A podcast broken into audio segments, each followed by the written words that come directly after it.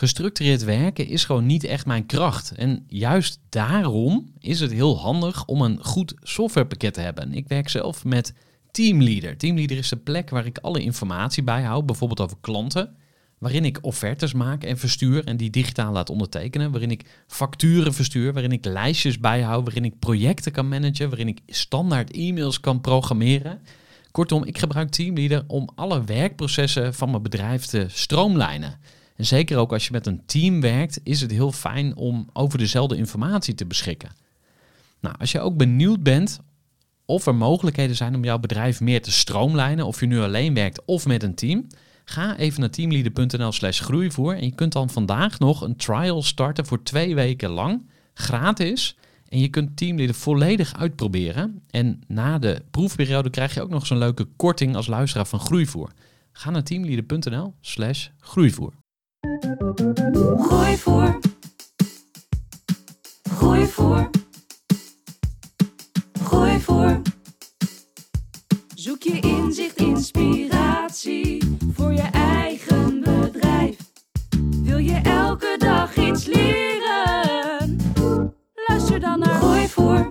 Welkom bij een nieuwe aflevering van de Groeivoer podcast. En ik sta hier met Thijs Baks van Kate. Kate is een eh, cateringbedrijf en ze doen fantastische eh, evenementen. Ze hebben heerlijk eten en het bedrijf is eigenlijk net nieuw. Want eh, ik sta hier met Thijs Baks en vroeger heette zijn bedrijf Baks en Meijer.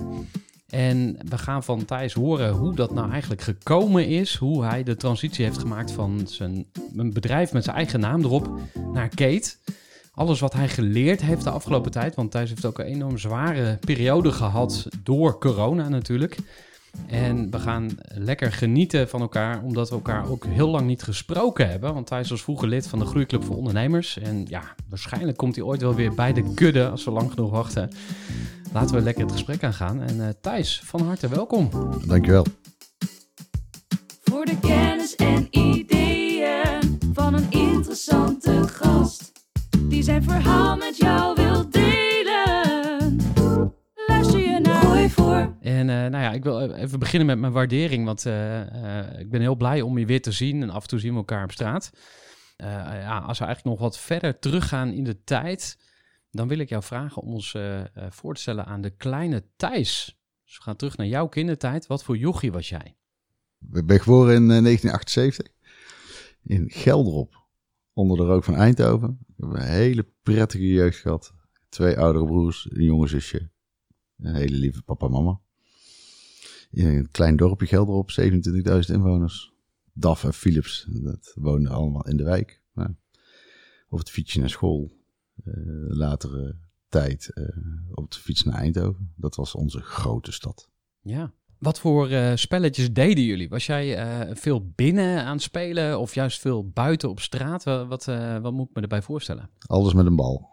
Ik zat op hockey en tennis en veel op straat gevoetbald. Ja, en ook heel competitief dan? Of was het gewoon voor de lol, voor het samen zijn? Wat, wat, hoe heel competitief. Je? Oh ja? ja? ja? Ja, ik wilde wel winnen, ja. Ja, en won je dan ook vaak of was, het, was dat lastig? Nee, ik vloog ook regelmatig.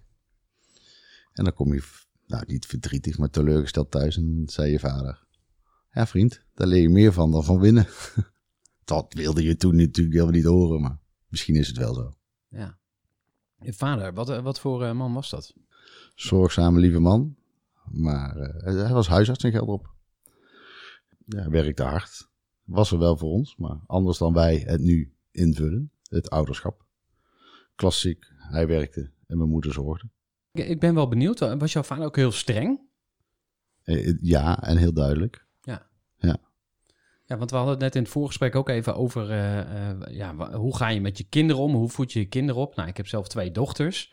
Ja. En als ik iets heel lastig vind, dan is het om streng te zijn. Want ik, die meiden, die, die weten mij iedere keer te bespelen. En uh, nou, ik word omringd door vrouwen. En mijn vrouw is dan eigenlijk degene die nog het strengst is. Die echt zegt van nee, je krijgt vandaag geen hagelslag op je brood. Uh, hoe was dat vroeger bij jou thuis en, en hoe doe jij dat? Mijn ouders waren wel duidelijk, maar mijn moeder zorgde voor ons. Dus die, ruim, liep wel veel achter ons aan om het allemaal op te ruimen. En mijn vader zette de lijnen uit als het ware. Die was ook heel streng. Als we iets leenden, dan moest het gewoon terugkomen, noem het maar op. ik merk zelf dat ik meer de opvoeding van mijn vader, heel duidelijk. En dat wordt misschien als streng ervaren, maar daar ben ik het niet zo helemaal mee eens. Heel duidelijk zet je de kaders uit. Maar ik, heb zelf ook kinderen. En ja, als je die kaders streng stelt, misschien is het dat wel. Dan op een gegeven moment gaan ze daarna handelen. En dan hoef je ook niet meer streng te zijn. Want het is duidelijk wat er moet gebeuren. Ja, dus eigenlijk, tenminste, als je, het, je zou het ook kunnen interpreteren als, als iets wat je geeft aan je kinderen, een cadeautje, een, eh, een, een vaardigheid voor het leven. Want, want jij zei net van ja, als we ergens gaan eh, eh, eten met het gezin, dan gaan mijn kinderen de tafel opruimen. En dan kijken de mensen echt met grote ogen van, hè, hoe, hoe kan dat? Waarom, waarom doen je kinderen dat? Maar jij hebt ze dat dus eigenlijk, Ja, wij vinden het heel Geleerd. normaal dat als we klaar zijn met eten, dat we ook gezamenlijk de tafel afruimen. Ja, en dat is grappig dat als mijn kinderen dan bij een vriendje gaan eten, en dan gaan ze daar de tafel afruimen. En die ouders zijn helemaal verbaasd. Hè? Ze ruimen de tafel af. Ja, dat is gewoon omdat dat iedere dag terugkomt. We doen het huishouden samen. ja, grappig. Ja. Ja, want eh, streng zou ook kunnen klinken als iets negatiefs, hè? Want dat is eh, tenminste hoe het voor mij een beetje voelt. Van ja, streng, dat is ouderwets, dat is ehm, eh, hard, dat is ja, niet kindvriendelijk of zo. Maar eigenlijk, als ik jou zo hoor, dan denk ik van, hey, je doet mensen die juist een plezier mee. Hè? Je leert ze iets voor het leven waar ze, waar ze wat mee kunnen. Ja. Ehm, je hebt ook voor de klas gestaan, vertelde je. Ja. En, en daar deed je dat ook. Ja, dat probeer ik. Eh, als de les begint om negen uur, dan beginnen we om negen uur. En niet om vijf over negen. Ja. En dat vind dat ik eh, bij het mbo voor de klas gestaan. En dat vonden de leerlingen af en toe moeilijk. Of de studenten. Want ja, de trein kwam dan te laat. Ja, dat kan een keer gebeuren. Maar als het iedere week gebeurt, dan moet je een trein eerder pakken. Dan heb je een overleg gehad met de mededocenten. En die zeiden, ja, we kunnen ook de les later beginnen. Ik zeg, nee, dat is niet de oplossing. De student moet eerder komen. Dus als je dat niet accepteert, dan op een gegeven moment gaat de student eraan wennen van, ja, ik moet gewoon een trein eerder nemen. Ja, dan moet ik een uur eerder mijn bed uit. Ja, dat is vervelend. Dat snap ik dat dat vervelend is. Maar dat is wel, denk ik, zoals we in Nederland met elkaar omgaan. Ja, en ik vraag er natuurlijk zo op door, omdat eh, eh, gi- gisteren bijvoorbeeld hè, vroeg ik eh, aan, aan een podcastgast, wat is nou eigenlijk het, het, het managementboek of een, een, een inspirerend boek wat je eigenlijk nog wel tien keer opnieuw zou kunnen lezen? En toen noemde zij het boek How to Talk to Kids. Een opvoedingsboekje met, met plaatjes erin over hoe je je kind moet opvoeden. En ze zegt, ja, dat, dat is een, een opvoedboek voor kinderen, maar eigenlijk kun je dat ook heel goed in je bedrijf gebruiken. Dus als je met medewerkers eh, eh, werkt, dus eh, vandaar dat ik bij jou daar ook zo Mhm. op doorvraag van, hey, ja, hoe, hoe kun je dat dan gebruiken? En jij hebt ook die transitie gemaakt van voor de klas staan naar het, naar het ondernemerschap. Eh, ja, je stond eerst voor de klas, hè? Eh, Je, je, je, je ging ondernemen, maar daarna, daarna stond je ook nog voor de klas. En toen ging je helemaal ondernemen. Mhm. Kun je ons eens meenemen in die periode? Wat, eh, ja, hoe, hoe was dat voor jou? Ik had een hele leuke baan in Utrecht, op de Oude Gracht. En toen ben ik getrouwd met mijn vrouw in 2009. En toen heb ik min of meer besloten om, als we terugkwamen, ontslag te nemen. En toen zei mijn vrouw, dat is prima, maar mm, ik geef je een jaar de tijd om te bewijzen dat je kan ondernemen. Ik wil niet dat je een jaar op de bank gaat zitten, refererend aan mijn studententijd, die wat langer heeft geduurd dan de menige student er tegenwoordig over doet. En dat was prima. En toen eh, ben ik dus bij het MBO terechtgekomen. Toen kon ik drie dagen voor de klas staan en twee dagen om mijn ondernemerschap te ondervinden, te ondergaan. En dat ging leuk. En ik ben van drie dagen naar twee dagen één dag gegaan uiteindelijk. En helaas door de drukte afscheid genomen van die school, maar nog wel steeds banden ermee. En misschien ga ik ook nog wel een keer terug. En ehm, je houdt dus ritme en regelmaat in je leven, omdat je er wel gewoon drie dagen daar moet zijn. En dan, dat, dat geeft structuur om dus verder te komen, denk ik.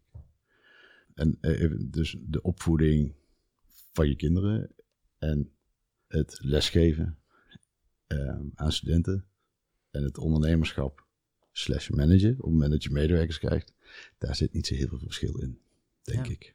Ja, interessant. Ja. Waarom niet? Het begint met het stellen van kaders. Jongens, wat gaan we doen? Het stellen van een doel. Eh, wat willen we bereiken? Hoe gaan we dat doen? Wat doe jij? Wat doe ik? En wat doet de ander? En daarop moet je elkaar aanspreken van, heb je dat gedaan? Ja. En ik moet ervan uit kunnen gaan dat als we die afspraak maken, dat je dat dus doet. En dat is heel belangrijk. En Ja. Dan kun je stappen maken. En ehm, is er dan ook iets wa- wat je wel eens gemist hebt in je opvoeding? Of wat je, wat jij zelf wel eens over het hoofd ziet dan misschien? Ja, het eh, vertrouwen geven aan anderen. Als je denkt dat de ander het niet kan, het toch vertrouwen geven en ervan uitgaan dat het goed komt. Dat vind ik nog wel moeilijk. Hm. Dat vind ik nog steeds moeilijk. Dus het loslaten, het delegeren. Misschien kan ik het wel beter, maar daarvoor zijn die anderen er niet. Vertrouwen op het talent en de kwaliteit van je medewerker. Dat ze dat goed gaan doen. Dat is moeilijk. Ja, dat, dat, eh, ja, dat, eh, dat is een, een, doorlopende ja, journey of reis. Je bent er altijd mee bezig. Loslaten. Ja. Hè, dat is ook weer, je kind gaat voor het eerst uit. Ja, die moet je ook laten gaan. Drinkt misschien te veel, ja, dat moet je ook laten gaan. Gaat voor het eerst alleen naar school. Weet je. Dat zijn allemaal dingen die eigenlijk hetzelfde zijn. Ja, grappig zeg.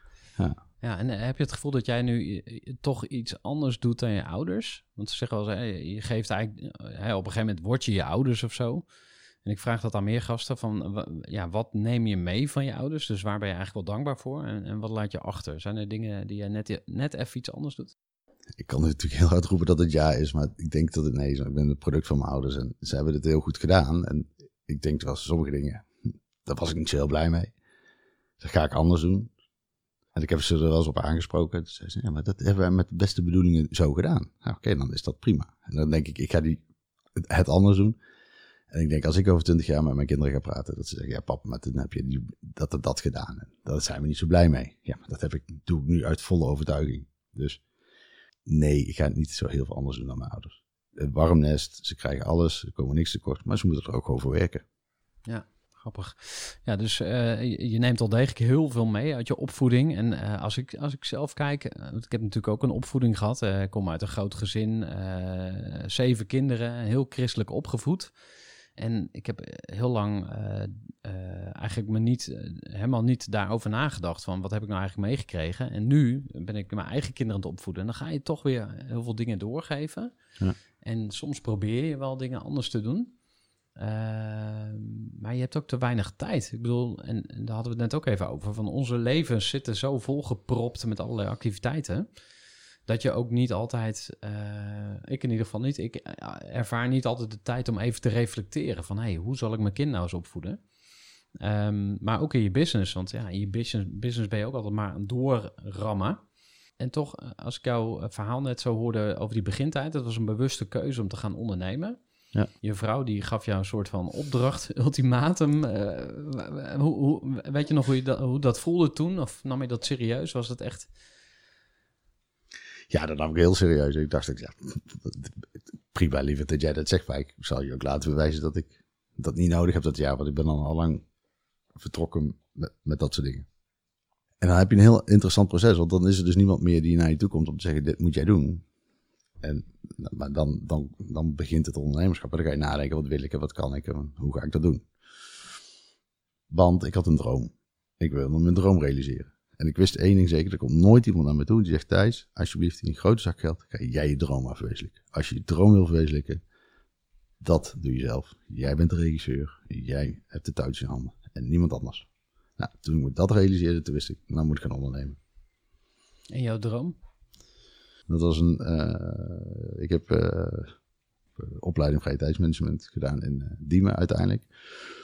En ik wil een leisure locatie.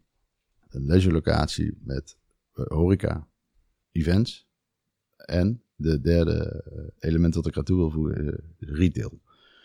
Ik denk dat dat namelijk heel mooi is. Dat heb ik ooit in het buitenland gezien, in Berlijn. En eh, daar zijn mooie voorbeelden van, van die diffuus aanbieden van meerdere elementen. Ik vind dat het in Nederland nog echt te weinig gebeurt. Volgens mij kun je dat veel meer eh, samenvoegen.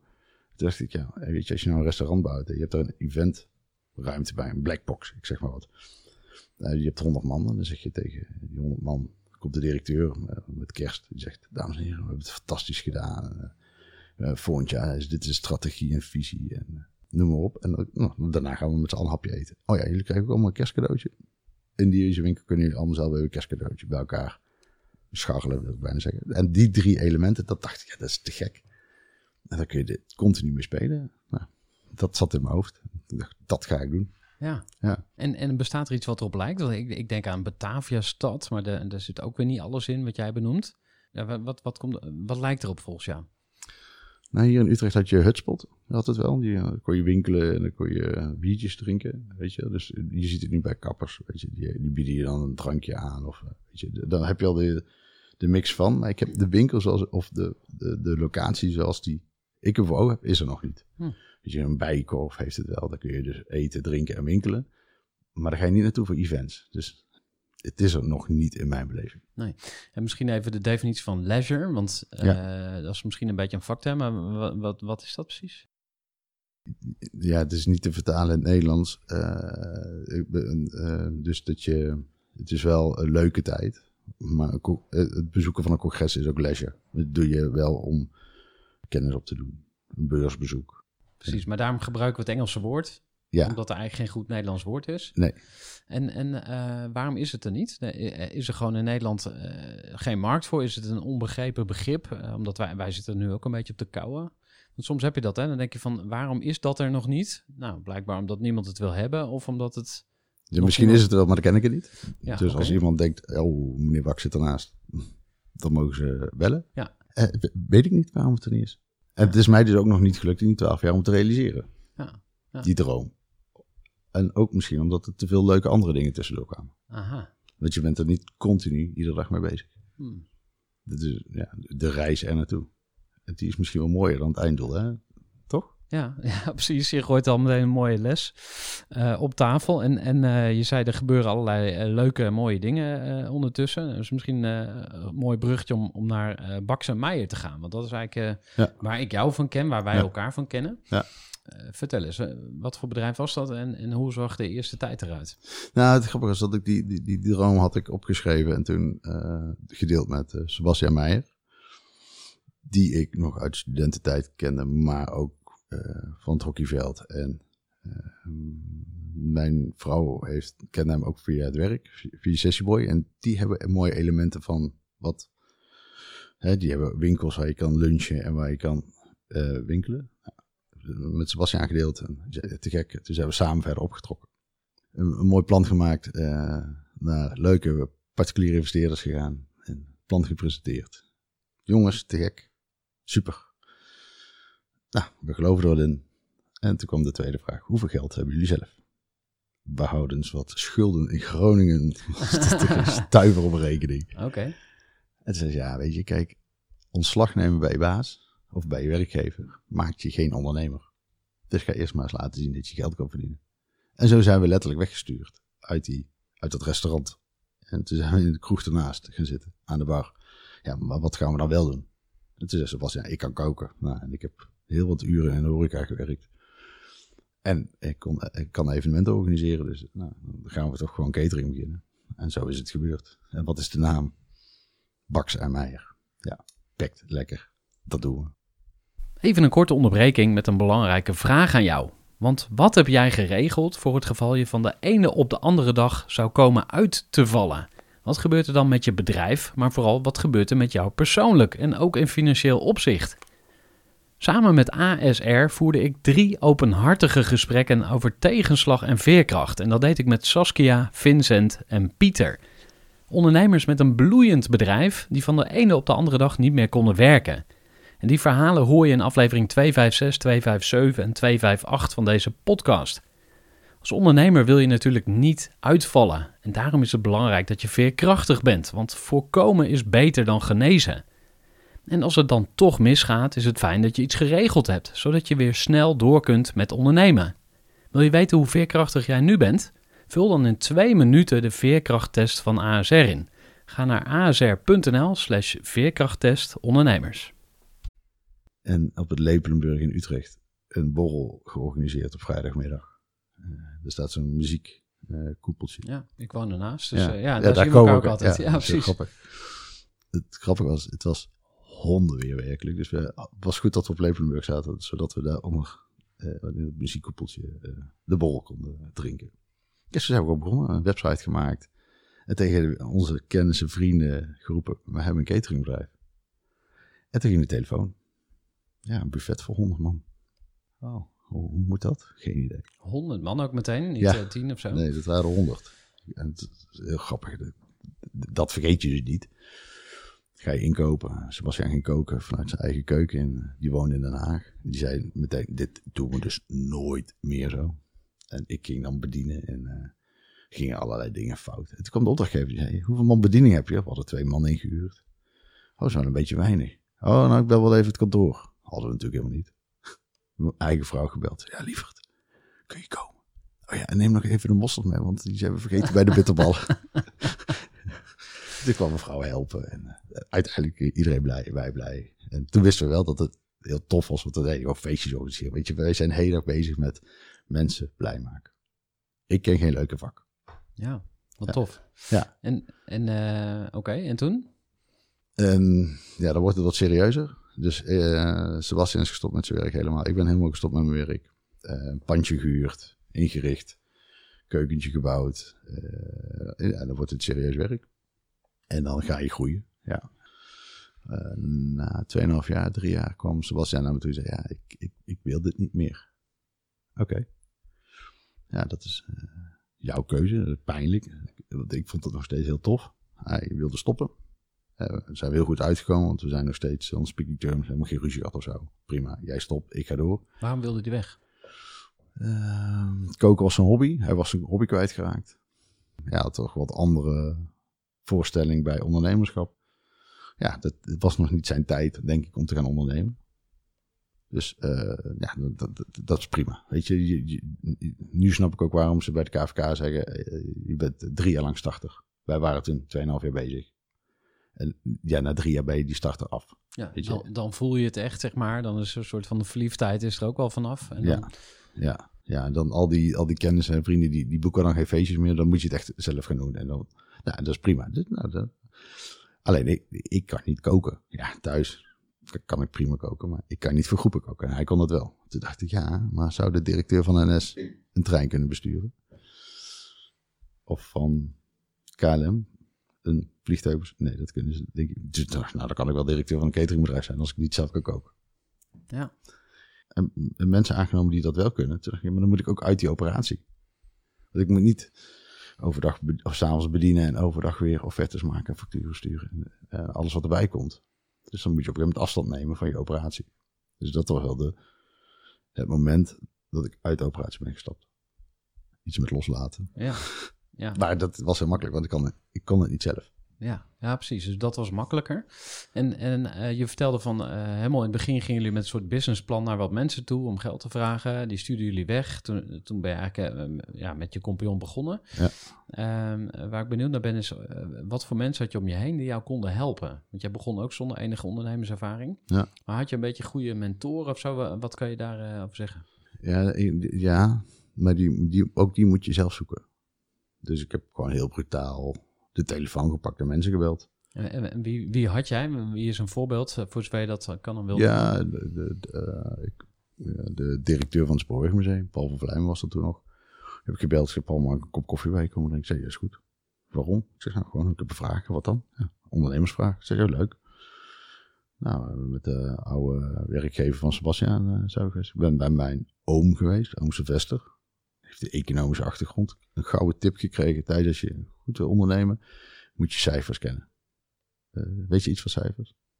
Hup, opleiding volgen. Met gewoon op zaterdag een opleiding boekhouding gaan volgen. Oh ja. Ja, je moet gewoon je eigen cijfers kennen. Ja. Winst, verlies, balansen, noem het maar op. Want dan weet je ook wat er uiteindelijk omgaat ja. in je bedrijf. Dus dat was een tip van je oom. Ja, En, en eh, de directeur van het Spoorwegmuseum, eh, wat, wat- is de les die jou het meeste bijstaat van hem? lef tonen en eh, waarmaken wat je belooft. Hm. Ja. Hij zei, ja, wat je nu doet is niet zo heel spannend, een cateringbedrijf beginnen. Je hebt er geen investeringen voor nodig.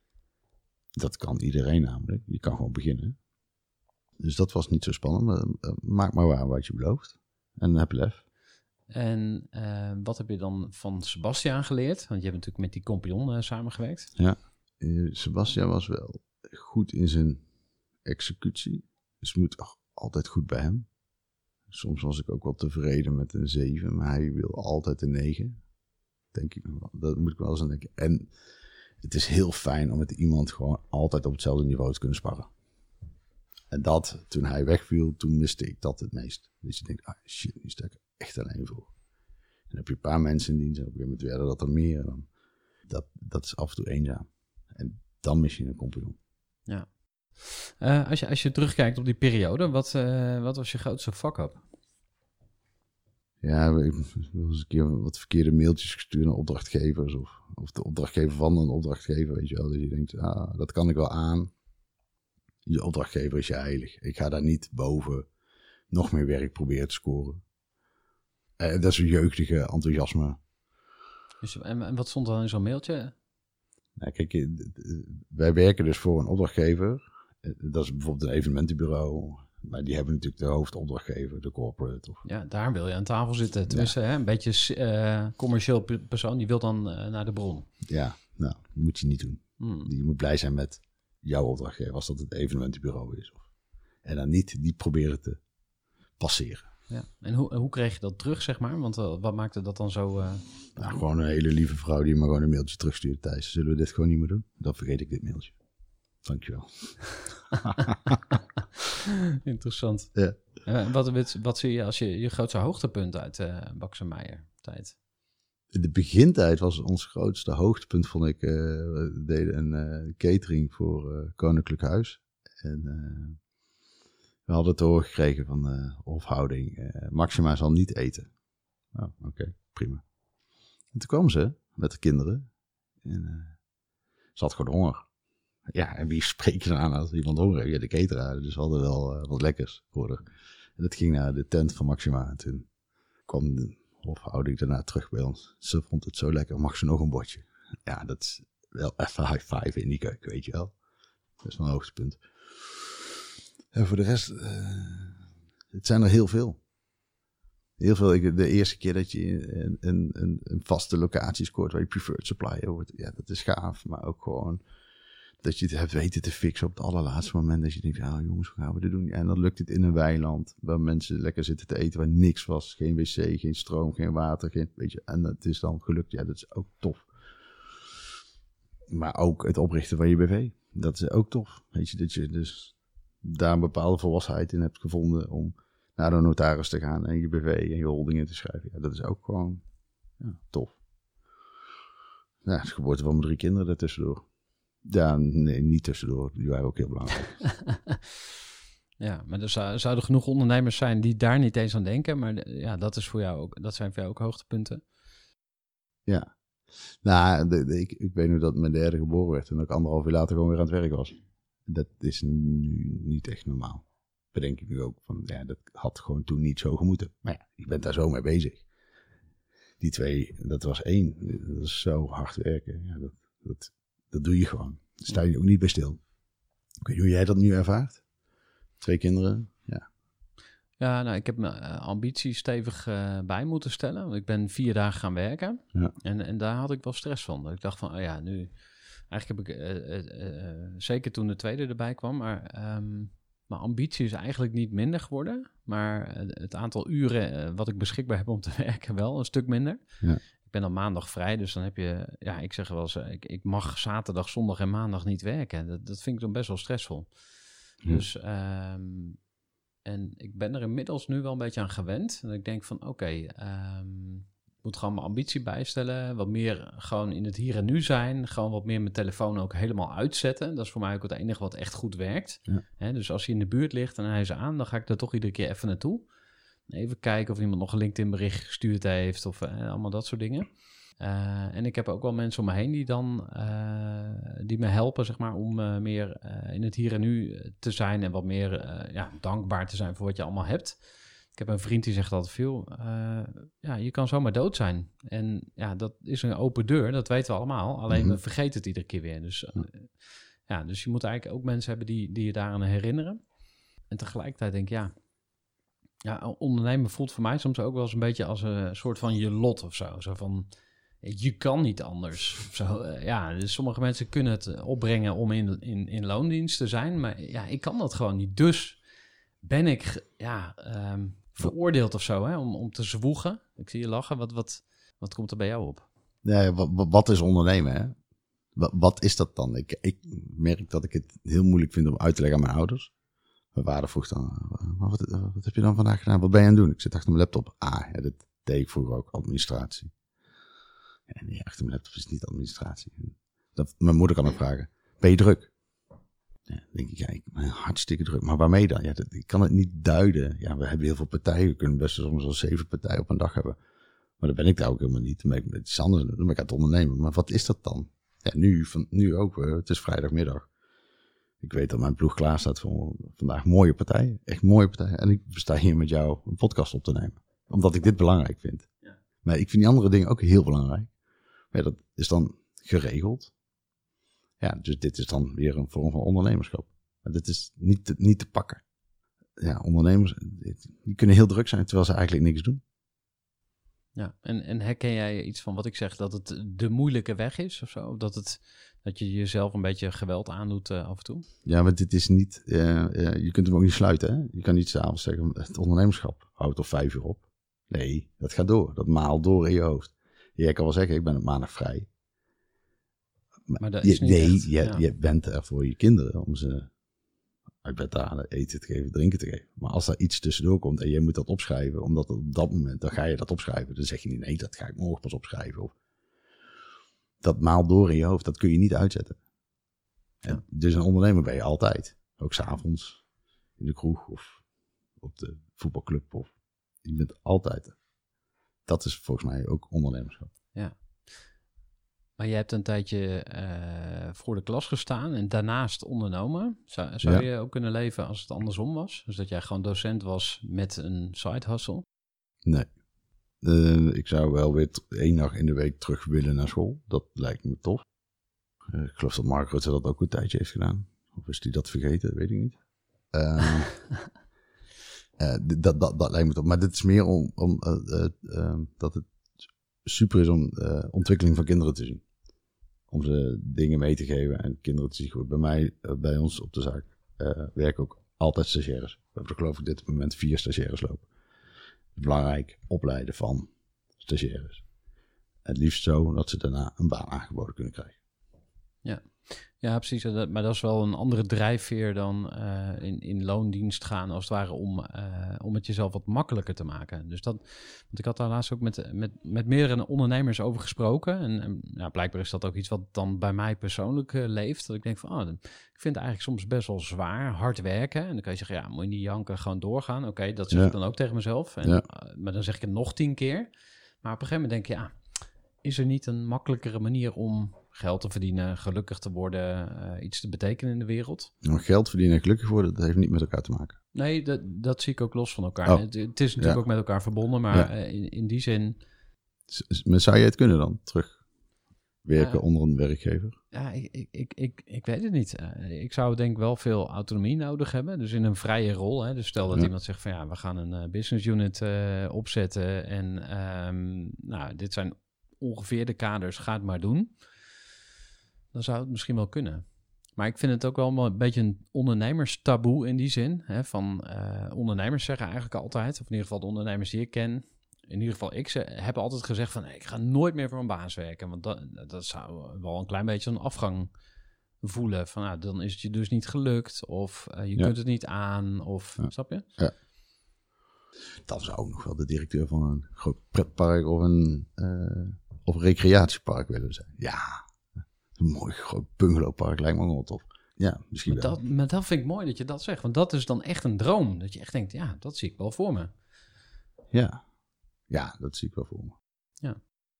En de echte drijfveer zit het in. Doe, doe iets wat je echt leuk vindt. Ja.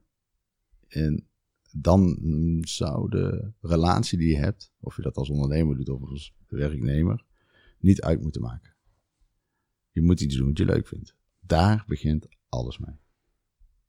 Uiteindelijk. Ja. Daar sta je namelijk iedere dag ook met. En ik weet, het klinkt heel makkelijk. Het lukt mij. Maar dat zou ik wel, dat raad ik iedereen aan. Ja. Ja.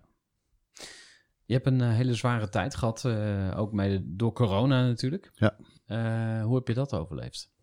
Eh, weer door iemand die me daar heel goed bij heeft, waar ik mee gespart heb. En dat deze eigenlijk op een hele natuurlijke wijze En die maakte een opmerking naar mij. Zei ze, nou, ik, ik was voornamelijk boos. Hè. Ma maart 20 eh, kwam het. Ik was binnen een week, was ik mijn totale omzet van de zaak kwijt. Eh 30 man, 25 man in vaste dienst. Eh, veel freelancers die voor ons werkten. Echt een leuke ploeg staan, vond ik. Ja, dan binnen een week was alles kwijt. Nou, echt de, grond onder je voeten vandaan. Ik heb ook echt een week op de bank gelegen. Ik dacht, hoe dan? Eerst met een goede vriend het café ingedoken. Dat was dus nog de week, want onze agenda was al leeg voordat de eerste persconferentie kwam. Wij, wij waren al eerder leeg. Dus toen konden we nog de kroeg in. Dat was geloof ik de laatste avond. En die zei, Thijs, je hebt je creativiteit nodig. En ik dacht, ja, maar hoe dan? Ik weet het niet. Ja, vertrouw op je creativiteit, het gaat komen. En het kwam niet. Ik heb geloof ik alle James Bond films gezien die er waren op dat moment. En, toen, en ik werd boos op mijn medewerkers, want die deden niks. Ik dacht, nee, jongens, ga nou aan de slag. Ik betaal jullie loon door. Ik ben verplicht om jullie loon door, maar ga aan de slag. Maar er gebeurde niet zoveel. En toen hadden we een zo'n Zoom-sessie. Toen zei die dame in kwestie, ja Matthijs, als de leider niks doet, dan doet de rest ook niks. Sta op en aan de slag jij. Oeh. Ah, dankjewel. En dat was het. Opstaan. Plan maken. En uitrollen. En of het het beste plan was, weet ik niet. Maar we zijn er wel nog. Ja. Ja, en dat, dat is wat je moet doen. Dus leiderschap tonen en die creativiteit gaan gebruiken. Dus wat die twee me geadviseerd hebben, ja, dat doe je dus onbewust. Ja, dan, dan gaat dat. En dat was eh, het- het- na die, eh, dat standje van haar. Toen ging het ook weer, toen vond ik het ook wel weer leuk worden. En dan ga je weer mensen bellen en zeg je, kun je me helpen? Ga eens meedenken, wat moet ik doen? Nou, een plan gemaakt en eh, gepresenteerd. En dat was de moeilijkste dag van mijn leven. Dat ik zeg, ja, jongens, we gaan wel een stukje reorganiseren. Gevraagd of mensen een contract wilden inleveren. Het is niet gedwongen, want iedereen is met een eh, handdruk uitgegaan. Dus er is geen ruzie gekomen. Maar het is natuurlijk niet leuk als je mensen moet vragen: oh, wil jij ruimte maken? Want het kan zo niet langer. Ja, dat is natuurlijk klote, man. Als je tegen iemand moet zeggen: sorry, hier stopt het. Ja, dat is, dat is gewoon pijnlijk. Maar goed, Eh, dan komt er eh, gelukkig, eh waren we financieel gezond. Heel gezond, want ik wist heel snel hoe lang ik vooruit kon komen. Zonder steun. Nou, toen kwam die steun. Dat was ook heel fijn. Ik vind dat de overheid dat waanzinnig gedaan heeft. En ja, dan komt die rust. Op een gegeven moment heb je je plan klaar uitgevoerd en komt de rust. En toen hebben we een jaar lang rust, rustig kunnen bedenken wat gaan we wel doen, wat gaan we niet doen. En in die rust heb ik ook tegen twee medewerkers, of aan twee medewerkers gevraagd: van, kunnen jullie niet de bedrijfsvoering op je nemen, zodat ik de tijd heb om echt na te denken van wat ik wil en wat ik kan. En dat was een mooie tijd, want dan hadden we ook thuisonderwijs. En ik deed 's ochtends met mijn drie jongens thuisonderwijs. En eh, tot en met de lunch. Daarna nam mijn vrouw het over. Dus eh, kon zij 's ochtends werken en dan ging ik 's middags me ergens verstoppen. Ging nadenken over de toekomst. Want Ja. Het klinkt zwaar, hè? Nee, ja, ik bedoel, het moet gebeuren. Wie, gaat het anders doen? Ja, nee, precies. Ja, Eh, wat deden wij goed? Wat deden we minder goed? Wat deden concurrenten goed? Eh, welke kant wil ik op? En dat ga je dus weer sparren. Hm. En dat is het grappige. Dan ga je sparren met andere mannen. En die zeggen, oh, leuk, leuk, leuk. Heb je hier aan gedacht? Heb je daar aan gedacht? Nee. Dat moet je... Oh, tof, tof. Ja, ja. Kunnen we meedoen? Ja, kunnen we meedoen? Ja, maar ik kan twee mannen niet uit de horeca gevraagd om mee te denken. Ik kom uit de reclame en marketingwereld. En die zeiden, ja, tof, we mogen meedenken. We mogen meedoen. Ik zeg, ja, hoe dan? Ja, gewoon aandelen. Ik zeg, ja, maar geen aandelen om op maandagochtend de cijfers te komen controleren. Want da- daar zit ik niet op, maar dan ook meewerken. Toen zei ze, ja, dat is goed. ja, en, eh, dat is dus de vervolgstap van Bax naar Kate ja. geworden. Zodat die twee mannen echt ingestapt zijn en ook mee gaan werken. Om het merk Kate verder uit te bouwen. ja. Dus dat zijn Robert, Jan en eh, Bas. Ja. Die eh, hebben zich ingekocht. Of jullie hebben eigenlijk samen een nieuw bedrijf eh, opgericht? Nee, ze hebben een deel van de aandelen overgenomen. Ja, oké. Ehm, heel interessant, want daar heb ik heel veel vragen over. En ehm, eh, een van de eerste is eigenlijk van, ja, hoe, hoe, hoe zijn jullie bij die naam gekomen en, en hoe ben jij daar persoonlijk mee omgegaan? Ik kan me best wel ja, voorstellen dat je verknocht raakt aan een naam. Of het is ook je eigen naam. Dus hoe, hoe heb jij dat zelf eh, beleefd, die transitie? Ja, de- toen we twaalf jaar geleden begonnen, Sebastian en ik, toen hebben we de naam Meijer bedacht. En ik heb altijd gedacht, dat kan ook boven een advocatenkantoor hangen. En ik wilde daar op een gegeven moment wel vanaf, want het is, Meijer is, was van mij, maar ik ben niet het bedrijf. Dus dit was de mogelijkheid om een andere naam te bedenken. Ja, en dan moet je een naam bedenken die ook de nieuwe visie gaat uitdragen. En die ook tot de verbeelding spreekt. En een beetje nou, hip, en die te vermarkten is. En daar heb je dus mensen in deze wereld, Mhm. die kun je daarbij helpen. Oké. En dat is heel tof. En een hele leuke vent. Die heeft ons daarbij geholpen. Ondanks dat Bas en Robert-Jan uit de marketing Hm. en reclame kwamen. Hebben we ons daar toch bij laten helpen. En toen, toen zijn we uiteindelijk op Kate gekomen. Kate, Q-E-E-T. Ook, soms is het ook heel eh, makkelijk, omdat andere eh, URL's niet beschik- beschikbaar zijn. Of de naam al. Dus nou, dit was beschikbaar. Kate, met die Q kun je mooi spelen. Eet, hè, we zijn een eten- en drinkenbedrijf. Kate van catering. We doen verschillende vormen van catering. eh, event catering, venue catering, bedrijfscatering, leisure catering.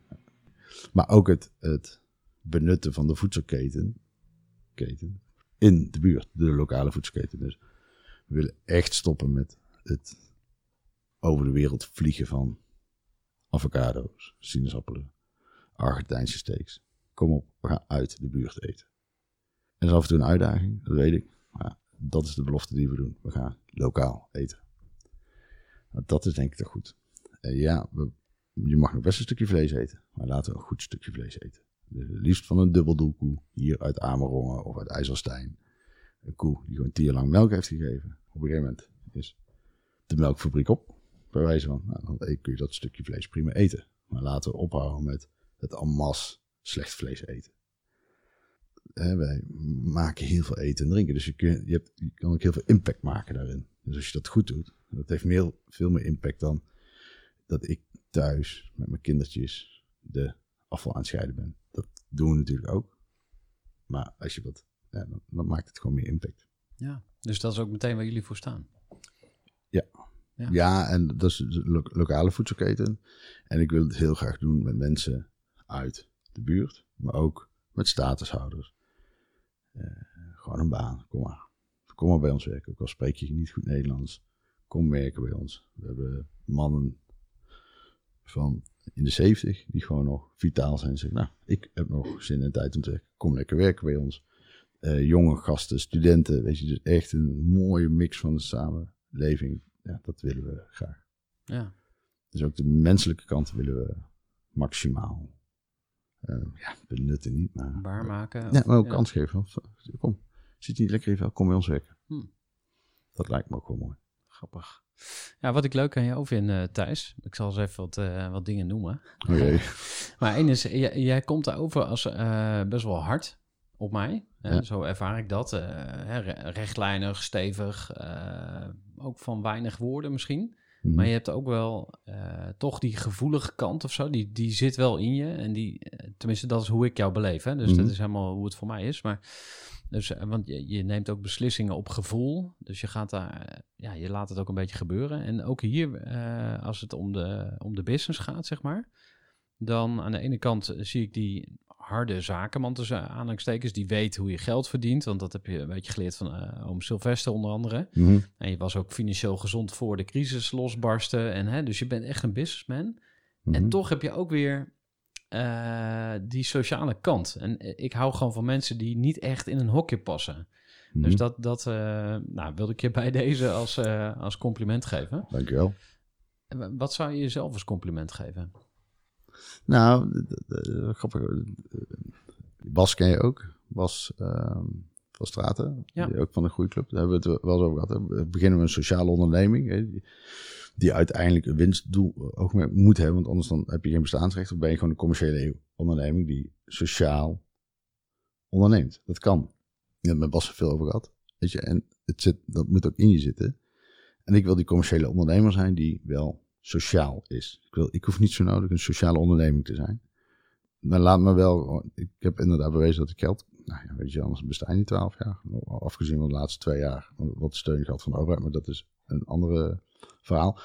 Dus ik wist wel ook een bedrijf moest runnen. En ik denk, en laten we dan ook dat sociale domein gaan helpen. Daar word ik wel vrolijk van. Dat mijn nieuwe compagnon, die is wat zakelijker. En dan staan we keihard te onderhandelen over de koffiebonenprijs. En dan zeg ik, stop, dit is niet wat we moeten willen. Hoezo niet? We kunnen er 2 euro van aflullen, Thijs. Ik zeg, ja, maar als wij die 2 euro eraf lullen, dan gaat hij die boer in Brazilië niet helpen. Dus we lullen die 2 euro niet af. We geven die 2 euro aan die Utrechtse koffiebrander. We willen van hem de belofte dat hij die 2 euro goed besteedt. Dan zijn we eruit. Hand erop en gaan. En dat vind ik nou net waar we voor moeten zorgen. We kunnen wel voor het beste en de scherpste prijs gaan. Maar dat, is alleen maar voor jezelf. En niet voor die ander. En dat wil ik uh, uh, bewaken. Ja. Dat is de belofte die ik wil maken. Ja. We hebben het uh, over van alles en nog wat al gehad. Van de opvoeding uh, van je kinderen thuis tot en met um, het aan boord stappen van je, van je nieuwe compagnons. En uh, dat laatste, daar wil ik nog wat, wat dieper op ingaan. Want het lijkt me heel spannend om ineens twee vreemdelingen, tussen aanhalingstekens, of ja, nieuwe mensen in ieder geval, uh, aan boord te laten stappen bij je kindje. Ja. je hebt, uh, ja, ze moesten zich inkopen, hè, dus dat, uh, dat is al een, een, eerste drempel. Maar hoe, um, ja, hoe, hoe kijk je er tot nu toe op terug? Want het, ja, het lijkt me wel echt ook even lastig een beetje weer vinden wie, ja, wie zit op welke plek en wie gaat er over de inkoop van de koffie. Hè? Dus ja. allemaal, allemaal dat soort vraagstukken. Ja. Heb, je, heb je daar nu al inzichten over of lessen? Ja, dit is uh, leuk dat je het vraagt. Het is ongelooflijk lastig. In die zin, ja, als je het een paar jaar alleen gedaan of tien jaar alleen gedaan hebt, dan nou, neem ik alle beslissingen zelf. En nu moet ik ze delen met hen. Ja, wat laat je gebeuren? Want zij, zij zijn ook allebei ondernemers pas 17 jaar, Robert-Jan geloof ik 12 jaar. Dus het zijn geen koekenbakkers. Het zijn jongens die echt wel wat kunnen. En denk ik, oh ja, moet ik nou ingrijpen of laat ik het gebeuren? Dat is mijn interne struggle op dit moment. Terwijl ik heel veel vertrouwen in ze heb hoor. Maar. Ja, want jij hebt, eh, wat hebben zij uh, gepresteerd tussen aanhalingstekens als ondernemer? Succesvolle marketing- en reclamebureaus ja. opgericht en geleid. Ja, ja, ja, dus ze hebben echt wel ook uh, zich bewezen, zeg maar. Ja. ja en is, is er iets uh, wat je nu al van ze geleerd hebt? Duidelijkheid. Daar kan ik zelf nog wel eens te lang omheen draaien. En ik, oh, maar waarschijnlijk bedoelen ze dit of dat. En dan ben ik alweer weg. En dan dus gewoon zeggen waar het op staat. Dat heb ik van de een geleerd. En de ander die is heel gestructureerd. Nog gestructureerder dan ik. En ik vond mezelf wel redelijk gestructureerd. Maar die maakt echt die mega gestructureerd. Dus dat is grappig. En die maakt ook altijd een gespreksverslag van. Ik wil gewoon terugvallen. Dat, dat, dat, hebben we toch zo besproken. Ja. Maar we zijn nog niet zo heel lang echt bezig. Nee. Dus. Ik kan me ook wel voorstellen dat... Uh, ik zou het super spannend vinden om, om weer een uh, compagnon aan boord te hebben. Ik heb daar wel eerlijk gezegd behoefte aan af en toe. Dat ik denk van ja, mm -hmm. iemand die gewoon ook een beetje van de, van de shit kan opvangen als ja. ik er even doorheen zit. Um, samen weer bouwen aan iets nieuws. Dat vind ik ook heel... Um, dat lijkt me ook heel aanlokkelijk. Mm -hmm. En misschien moet je er ook wel even doorheen of zo. Ik bedoel ja, het kan, het kan ook niet zo eh, vanaf dag één een soort droomhuwelijk zijn. Je, hè, als je met je partner gaat samenwonen, moet je ook even wennen ja. van ja, wie doet de vaatwas en wie doet ja. de was of zo.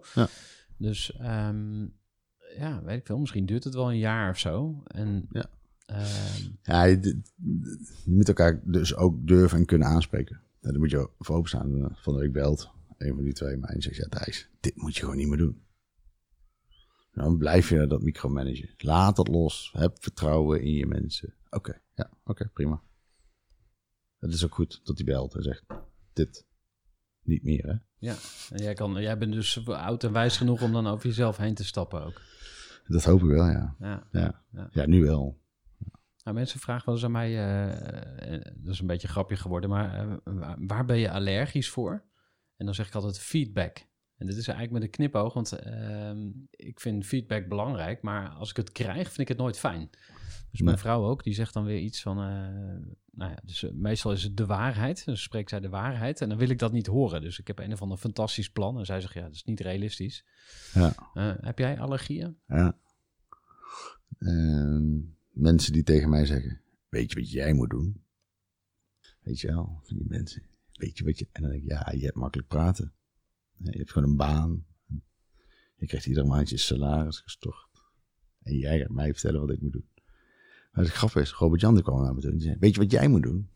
En die bleef dat maar doen. Weet je wat jij moet doen? Dat ik, ja, je moet even lekker je mond houden. Maar van hem kon ik het wel handelen, omdat hij ook ondernemer was. En had best wel goede ideeën. Maar op het moment zelf vind ik het ook irritant, hè. Maar dan ga je er toch mee over nadenken. Er zit wel iets in, ja. En dan uiteindelijk komt er een nieuw product uit. Maar ik snap wel wat je zegt over feedback. Het is gewoon niet leuk. Mensen vinden het sowieso niet leuk om feedback te krijgen. Ik, ik, ik weet niet of het alleen jouw allergie is, maar... En mensen vinden het ook moeilijk om alle eh, feedback te geven. Eh, collega's onderling feedback geven. Ja, het zijn toch vriendjes. Je moet vanavond ook nog een biertje samen kunnen drinken. Maar als je juist goede feedback geeft, dan word je daar wel beter van. En dat is ook wat ik heel lang heb eh, gezegd op de zaak. Jongens, kom op. Eh, iedere week gaan we evalueren. Dan evalueren we alle partijen die we gehad hebben. Het nadeel daarvan is dat het heel negatief kan zijn. Want eigenlijk ga je alleen bespreken wat fout is. Maar dat is niet de bedoeling. Wat ik wil is namelijk dat je gaat evalueren. Dat je daarvan kan leren. Dus iedere week even terugkijken. Dan kun je evalueren, leren, reflecteren. Nou, en daarmee kun je groeien. Dat je iedere dag een heel klein stapje beter kan doen. En dan kun je groeien, denk ik. Als je dat niet doet, als je die feedback van elkaar niet gaat accepteren, en dan, dan houdt het op. Hè. Ja, dan ga je echt stilstaan. Ja. Ja. ja. Oké. Hey, en ehm, eh, misschien nog even dan over jullie samenwerking. Want eh, hebben jullie daar dan ook begeleiding bij, zeg maar? Of eh, hebben jullie roadtrips? Of wat, wat doe je? Hebben jullie daar iets voor bedacht? Nee, nog niet, omdat het tot op heden nog goed gaat. Ik had van de week wel, of eh, twee weken geleden, eh, voor mezelf. Dat ik dacht, oh ja, ik wil me even laten coachen. Dus ik ga nu even iemand zoeken waarvan ik heel veel vertrouwen heb. En die ga ik van de week even bellen. Dat het is ook belangrijk dat je jezelf dus ook al... Ik denk wel eens, nou, hoeft niet, maar het is wel goed. Je moet je laten coachen. Ik sta tegenover een hele goede coach trouwens. Bedenk ik me. Dank je. Eh, nee, dat, dat, dat, dat moet je dus blijven doen. Ja. En we, hebben nog, we zijn nog niet in een situatie gekomen dat ik denk, oh, nu moeten we met z'n drieën begeleid worden. Nog niet. Maar ik denk wel dat dat in de toekomst eh, wel nodig zal zijn, omdat we een bepaalde ambitie hebben. En dat we niet alle drie de wijsheid te pacht hebben. Hm. Maar dat is nog te, te precair, denk ik. Ja, want ehm, eh, bij de Nachtegaalstraat in Utrecht, er staat een bordje onderhoud voorkomt reparatie. Daar moet ik altijd aan denken Ja. als het om coaching gaat. Van ja, je moet eigenlijk geen coach bellen eh, als het eigenlijk al gedonder is, maar eigenlijk ja, een soort eh, ja, onderhoudsabonnement of zo. Ja. En nu je het zegt, denk ik, misschien moeten we daar dus nu al aan beginnen, want het is nog goed. Onze relatie is nog goed, dus wat zijn nou? Onderhoud. Voorkomt reparatie. Ja. Ik vind hem prachtig. Nou, die kan op het tegeltje. Ja. En je noemde ook even de, de ambitie. Want eh, wat is dan jullie gezamenlijke droom? Of eh, kun je er een tipje van de sluier op eh, oplichten? Ja. Kate staat voor dat lokale, voor dat goede eten. En voor de voedselketen en de menselijke keten. En dat, we gaan nu een blauwdruk opzetten in Utrecht. En dan willen we uiteindelijk naar diverse andere steden, regio's, een landelijk netwerk op te zetten. Dus dat je ook in Eindhoven kan genieten van Kate met de lokale biertjes en de lokale kaas en worst en groenten. Maar ook in Rotterdam. En daar ook weer lokaal. Zwolle, noem het maar op. Arnhem. En dat dus niet zeggen, we hebben één inkoopkanaal. Met één brouwer maken we afspraken. Dat we- Nee, dan gaan we in al die steden met de plaatselijke brouwers afspraken maken. Hmm. En met allemaal plaatselijke groenteboeren gaan we afspraken maken. Hmm. Binnen vijf jaar willen we in zeven regio's actief zijn. Oké, Ja, is dat haalbaar? ja waar een wil is, is een weg. Hè? Het is niet voor niks een ambitie. Nee. Ehm, ik heb hier een fles champagne staan van eh, Didon. Didon is eh, eh, huisleverancier van eh, champagne bij de Groeiclub. En ehm, Jacqueline is eh, de eigenaar van, van, het, eh, van het bedrijf Didon. Mhm. En ehm, ik mag jou een fles champagne aanbieden Wat lief. van Jacqueline. En de vraag daarbij is, eh, wanneer gaat die los? Wanneer zie jij jouzelf eh, als een succesvol ondernemer, als geslaagd? Ja, daar heb ik ook al vaak over nagedacht. Wat is succes, hè? Ik vind eh, succes is als we allemaal binnen het bedrijf met veel plezier werken. Ik wilde ook niet een, een, eh, resultaat aanhangen, een financieel resultaat. Ik kan zeggen, als je het verkoopt of als het zoveel miljoen waard is. Dat is allemaal meetbaar succes en dat staat in het FD, dat snap ik allemaal wel. Maar succes is ook met je ploeg een leuke tijd beleven. 3 juli komt er weer een jaar bij dat we zoveel jaar bestaan. Dat is ook succes. En dan, weet je, dus, dus wanneer deze fles open gaat, weet ik nog niet. Hmm. Misschien, ja, ja, wel snel denk ik. Ik ben er wel trots op dat we gewoon na die coronatijd, eh, hij lijkt nu afgelopen, misschien komt hij nog wel terug, maar dat we nog zo springlevend zijn. We zijn er zonder schulden uitgekomen. Daar ben ik ook heel trots op. Ik weet niet of andere ondernemers schuldenvrij uit deze tijd komen. Nou, best goed gedaan, denk ik dan. Lekker bezig, Thijs. Dank Ik je. eh, Ja. denk dat hij dat Maar- inderdaad wel losgaat. Wanneer, wanneer trek jij hem open? Wat is voor jou succes? Ehm, dan zou ik elke dag, dan zou ik elke dag een flesje eh, champagne lostrekken. Ik, ik, heb, ehm, ik heb nu, dat klinkt misschien heel raar, maar ik heb eigenlijk een, een soort definitie van succes. Zakelijk gezien, als ik elke dag één ondernemer kan helpen, maar echt kan helpen. Dus dat, dat ik iemand echt Mhm. een stap verder kan helpen. Mhm. Dat kan met een idee zijn. Dat kan met een. Nou, eigenlijk meestal zijn het bij mij twee dingen. Of een idee. eh, of het is een, eh, contactpersoon. Dus van, hey, volgens mij moet jij gewoon eens. Je moet niks, maar doe jezelf plezier. En ga eens met die eh, persoon een keer eh, koffie drinken. En dan, Ja. en dan link, ik, link ik mensen ook aan elkaar. Met wederzijds goed vinden. Eh, want je moet ook zorgvuldig zijn bij contacten. Maar de- mijn definitie van succes in zakelijk opzicht met groeivoer is dus gewoon elke dag één ondernemer echt een stap verder helpen. Ja. Dan ben ik geslaagd. En het tweede wat bij me opkomt is als ik een goede vader ben. Ja. Het derde is gewoon eh, ja, zelf blij zijn en, en gezond en gelukkig. Ik vind dat ik nu bijvoorbeeld een beetje te weinig slaap. Komt ook door de kinderen. Maar ja, ik ga ook gewoon te laat naar bed. Gisteren zat ik toch weer even een uurtje nog eh, wat mail weg te rammen. eh, tussen acht en negen. Nou ja, dan lig ik gewoon tot twaalf uur. eh staat, mijn, kop nog aan, zeg maar. Dat is gewoon niet goed. Ja, dus niet een heel eenduidig antwoord. Het is, niet, het is, dus niet zo van, ik, ik moet ooit een... Ik heb ook wel een droom, een, een landgoed, eh, projectontwikkeling met starterswoningen en, en een retraitecenter voor Ja. burn-out eh, ondernemers Ja. en zo. Maar dan maak je het weer zo groot en Ja. dan is het in de toekomst. Ja. Nee, die, volgens mij hebben we het daar net ook al kort over. Je moet genieten van het nu. Want, ja, het kan ook zo voorbij zijn. Je hoort die verhalen steeds meer om je heen. Dus inderdaad, het kleine succes, succes al gaan vieren. Nou, misschien vanavond wel. Ja, klinkt Met goed. mijn vrouw. Ja, nou, daar moest ik ook aan denken. Ja, leuk. Ja, Leuk. ja. Dus is lieverd. Mooi. Wat goed. Wil je een eh, alcoholvrij biertje? Zijn we klaar? Ja. Oh, leuk. Check. Ja. Ja, binnenkort hebben we weer een heel tof event in de planning staan. Op 7 juli 2022 gaan we het hebben over community building. Ja, wat is community building? Ja, dat weet je waarschijnlijk wel, maar ja, wat kun jij ermee? Hoe kun je community die nu al bestaat rondom jouw bedrijf, alle mensen die jou een warm hart toedragen, hoe kun je die gaan versterken? En er zijn twee redenen op zijn minst te bedenken waarom je dat zou willen. Aan de ene kant je community van medewerkers, de mensen die om jou heen staan, die jou helpen. Hoe kun je die versterken om te zorgen dat mensen minder snel weggaan? En ook andere E-players gaan binnenbrengen. Dus je kunt je team gaan versterken door je community sterker te maken. En daarnaast kun je natuurlijk je community ook inzetten om aan nieuwe klanten te komen. En wat je ook heel veel ziet tegenwoordig is dat je groeigeld kunt ophalen door je community. Nou, zo zijn er allerlei manieren waarop je de mensen om je heen kunt gaan mobiliseren op een leuke manier. En op 7 juli ontdek je hoe je dat aanpakt. Maartje Blijleven, dat is echt een enorme expert op dat gebied, komt ons wat vertellen. En daarnaast ga ik twee ondernemers on stage interviewen over hoe zij hun community gebouwd hebben. Nou, wordt super, super interessant. En je gaat ook zelf aan de slag met eh, intervisie. Dus je mag met andere ondernemers gaan sparren over ja, waar je tegenaan loopt, wat er goed gaat, wat er niet goed gaat. En hoe je dat zou kunnen oplossen. Dus je kunt echt even gewoon eh, ja, je hart komen luchten als het ware.